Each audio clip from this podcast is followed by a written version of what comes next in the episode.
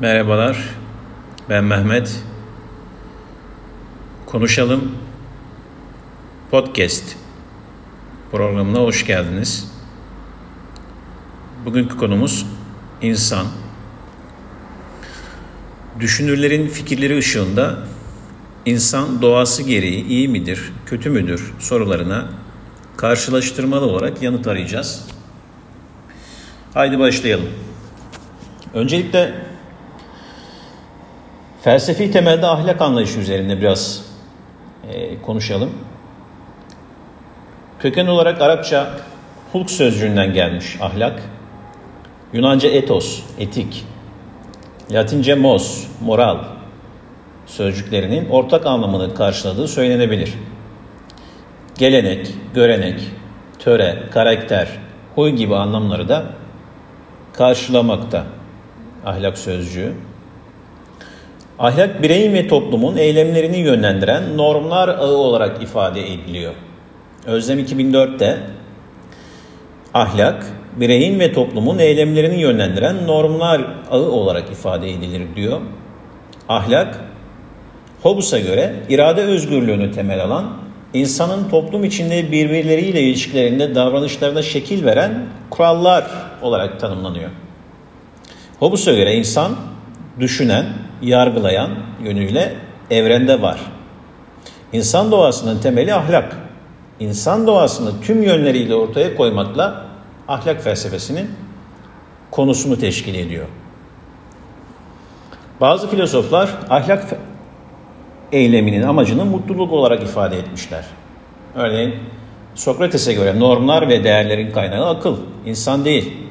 İyi ve kötü olanı akıl süzgecinden geçirmemiz gerektiğini Sokrates ifade ediyor. Platon, iyi ya da kötüyü en yüksek amaç olarak ideaya bağlıyor. Aristo iyi ve kötüyü aşırı uçlardan kaçınmak olarak ifade ediyor. Aristo orta yolu seçmeliyiz ifadesiyle normları dengeleyen bir ahlak anlayışında bir çizgide duruyor. Farabi ahlaki eylemi mutluluk ilkesiyle özdeşleştiriyor. Filozofa ulaşacak amaç iyiyi tercih etmekle olur.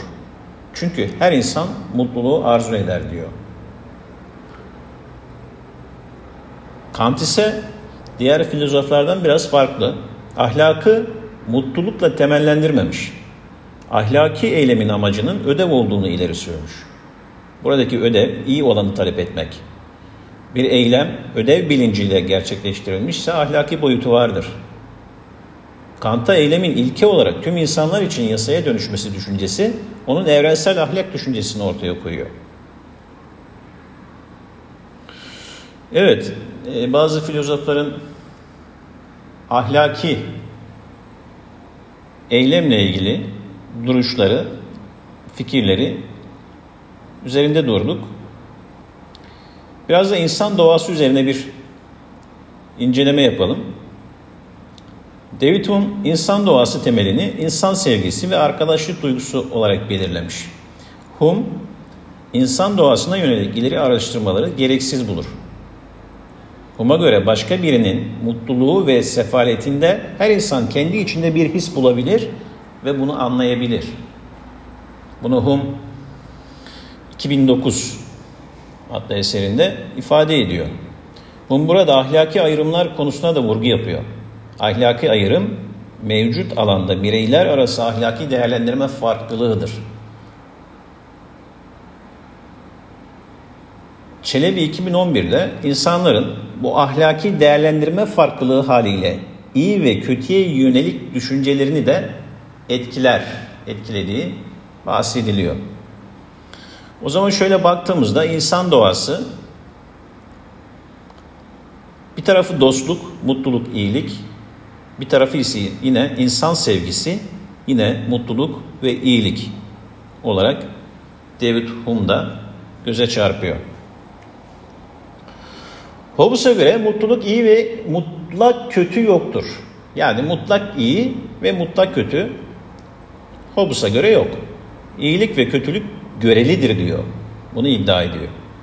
Mutluluk veren şey iyi, mutsuzluğa sebep olan şey kötüdür. İyi ve kötüyü ölçüt bireyin kendisidir diyor. Bunu Karagözoğlu 2006 adlı makalede görüyoruz. İyi ve kötüye ölçüt bireyin kendisidir diyor Hobbes. Hobbes da iyi ve kötü kavramı geometrik bir desende bütüncül bir olguyu ifade eder. Diğer alanlardan yatsınamaz. İnsanlar doğası bakımından aynı olan şeye farklı duygular katacaktır. Böylelikle Hobbes'a göre hazzın da acının da algılanışı farklı olacaktır. Bu da iyi ve kötüyü olan tanımlamaları göreli hale getirir diyor Hobbes. Hobbes'ta insan doğası ne barındırıyor? Haz ve acı. Bir yandan da irade özgürlüğü. Baktığımızda iyi ve mutluluk. Bir tarafa baktığımızda kötü olan da mutsuzluk. Yani göreli bir durum var. Tom Hobbes'ta. Schopenhauer ise Hobbes'tan farklı bir idarenin ihtiras olduğunu iddia ediyor. Hobbes'tan farklı olarak ihtiras üzerinde duruyor. Ona göre irade özgürlüğü ıstırap alemiyle eşdeğer. Schopenhauer'a göre hayat ihtiras ve tatmin olma arasında bir danstır diyor. İhtirasın sınırsız olması mutsuzluğu, kötülüğü getirir. Baktığımızda Özlem 2004 adlı çalışmada Schopenhauer'da evren birbirlerini ihtiraslarıyla tüketenlerin yeridir ve acıyla evrilir diyor.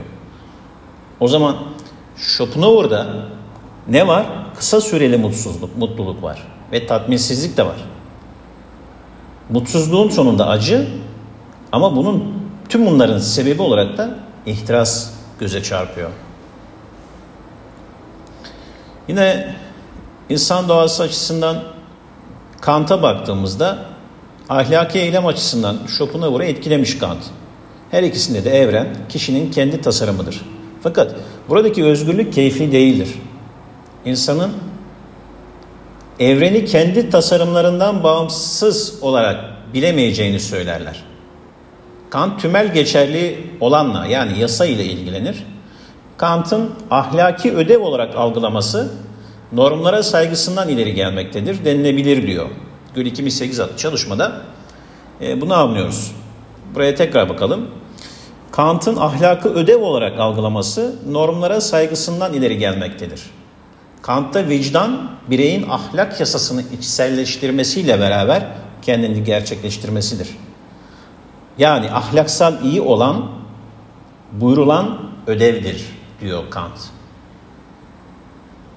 O zaman Kant'ın özetlediğimizde koşulsuz buyurulan gözümüze çarpıyor. Bir tarafta ödev ve yasa, diğer tarafta vicdan ve kendini gerçekleştirme var Kant'a göre. Rousseau insan doğasının iyi ve kötü ayırt etmesi sağlayan güç olarak tanımladığı vicdan, merhamet kavramıyla Kant'ın düşüncesiyle biraz örtüşüyor. Fakat Rousseau'nun görüşünde vicdan doğuştan gelen bir özellik. Rousseau'ya göre insan doğası gereği vicdan sahibidir ve iyidir. Burada kötülüğe bulaşmaz diyor Rousseau. İnsan kötülüğe bulaşmaz.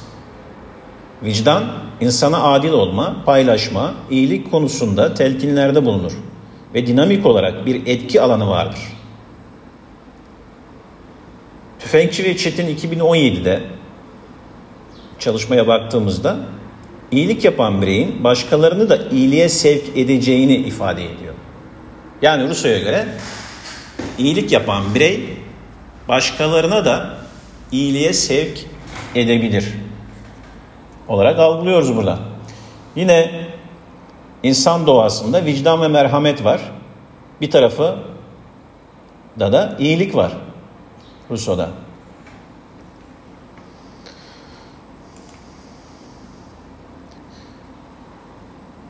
Platon'da ise duyular ve idealar olmak üzere iki dünya var. İdealar dünyası nesnelerin özünü temsil eder ve değişim göstermez.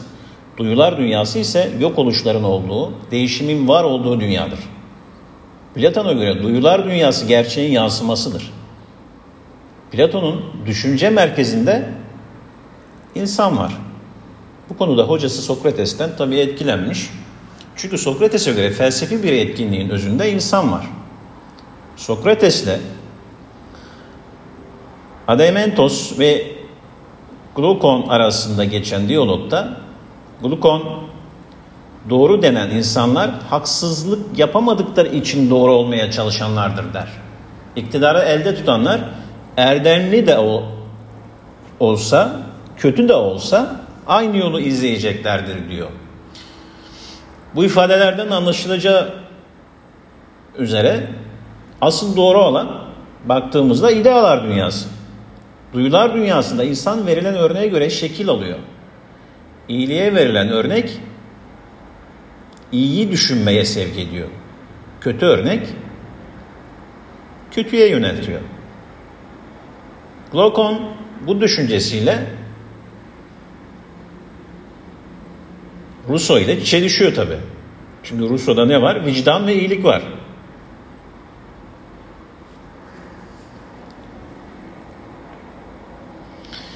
Farabi'ye geldiğimizde Farabi ahlaki eylemin amacını daha önce de söz, söz etmiştik. Mutluluk da ifade ediyor.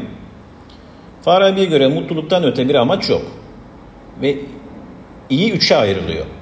İçtenlik olarak iyi, amaç için iyi ve araç olarak iyi. Farabi tüm bireylerin yetkinleşme çabası içinde olduğunu iddia ediyor. Örneğin tohum fidan olmayı, fidan doğal olarak ağaç olup meyve vermeyi ister diyor. Bir hayvan yavrusu doğal olarak büyüyerek evlat vermek ister. İnsan ise ussal yönüyle yani aklı ile üstün bir varlıktır ve düşünerek ahlaki yetkinlik kazanır ve mutlu olur diyor. Görüldüğü gibi e, Bircan 2015 adlı çalışmada da Farabi'ye göre insan doğası gereği iyidir. Fakat bu iyiliğin gerekçesi hayatın anlam ve amacında gezilir. O zaman Farabi'deki insan doğasını şöyle özetlersek bakıyoruz ki akıl yetkinliği göze çarpıyor ve mutluluk ve iyilik göze çarpıyor. Tabi burada e, içtenlik olarak mutluluk amaç için iyi olan sonucunda olan bir mutluluk bir de bir araç için iyi olan sonucunda olan bir mutluluk. Yani Farabi'nin mutluluğun temelinde akıl yetkinliği var. İnsan doğası gereği aklını kullanır ve mutlu olur diyor. Tabii tüm bu konuştuğumuz düşünürler üzerinden biraz toparlamaya çalışırsak insan doğası gereği iyidir dediğimizde Aristo'ya göre insan iyi kavramı ömür boyu içselleştirmelidir. Çünkü akıl süzgecinden geçen iyilik mutluluğa oluşturur. İyiliğin ortaya çıkma potansiyeli tartışılmaz ve iyiyi gerçekleştirmek devletin temelini oluşturur. İlk çağ döneminde Platon'un etkisiyle iyiye müdahale de söz konusu olmuş. Çünkü Platon'un iyinin devlet temelini oluşturma düşüncesinin etkisiyle bazılarının yöneten, bazılarının ise yönetilen olması gerektiğini söylemiş. Bu, bu düşünce iyiye meşruiyet kazandırma düşüncesini ortaya çıkarmış. Hume Rousseau insan doğasını sevgi, dostluk temeline oturtmuş. Çünkü her ikisinde de insan vicdan sahibi. Her ikisinde de insanın kötülüğe bulaşmayacağı fikri var. Farabi ise iyiliği amaç olarak edindiğimiz sürece insan doğası gereği iyidir ve bundan vazgeçmemelidir diyor. Farabi'nin düşüncesinin temelinde de iyilik bir süreçtir. Dolayısıyla bu düşünürler çerçevesinde baktığımızda insan doğası gereği iyidir. Gelelim insan doğası gereği kötüdür. Düşüncesi üzerine bir özet yapmaya çalışalım. Burada Schopenhauer'dan bahsetmiştik. İnsan doğasının ihtiraslara kurban olabileceğini ve insanın hiçbir zaman mutlu olamayacağını tezini savunmuş Schopenhauer. Buna göre mutluluk geçicidir ve tatmin etmez. Ve bu döngü sürekli mutsuzluğu ve kötülüğü getirir. Bununla ilgili Özlem 2004 adlı çalışmayı inceledik. Baktık Schopenhauer'a göre insanın iyi olması şartı evren istencinden çekilmesiyle oluyor diyor. Bu da nirvana düşüncesini ortaya çıkarmış ve insanın iyi olabilmesi inzivaya çekilmesiyle olur. Schopenhauer'daki inziva tasavvuftaki hep iyiliği düşünme, kötü düşüncelerin inzivasıyla örtüşüyor. Schopenhauer'ın bu düşüncesini Adler de destekliyor. Adler insan hayatının 0-6 yaşta şekillendiğini iddia ediyor. Bu dönemde iyi ve kötü özelliklerimizin kontrolümüz dışında geliştiği tezini savunuyor. Adler 2016 çalışmada Adler'e göre insanın iyi veya kötü konusunda irade özgürlüğü yoktur ve karakter olarak insan değişime uğramaz tezini göze çarpıyor. Evet sevgili dinleyenler. Bir de şöyle bir şey yaptım ben. E, filozofların bu düşüncelerini kodladım. Ve insanın doğası gereği hem iyi hem de kötü olabileceği tezi de göze çarptı burada. Baktım ki insan doğası gereği hem iyidir hem kötüdür. Frekans değeri 5. İnsan doğası gereği kötüdür. 3. İnsan doğası gereğidir, gereği iyidir frekansı 10.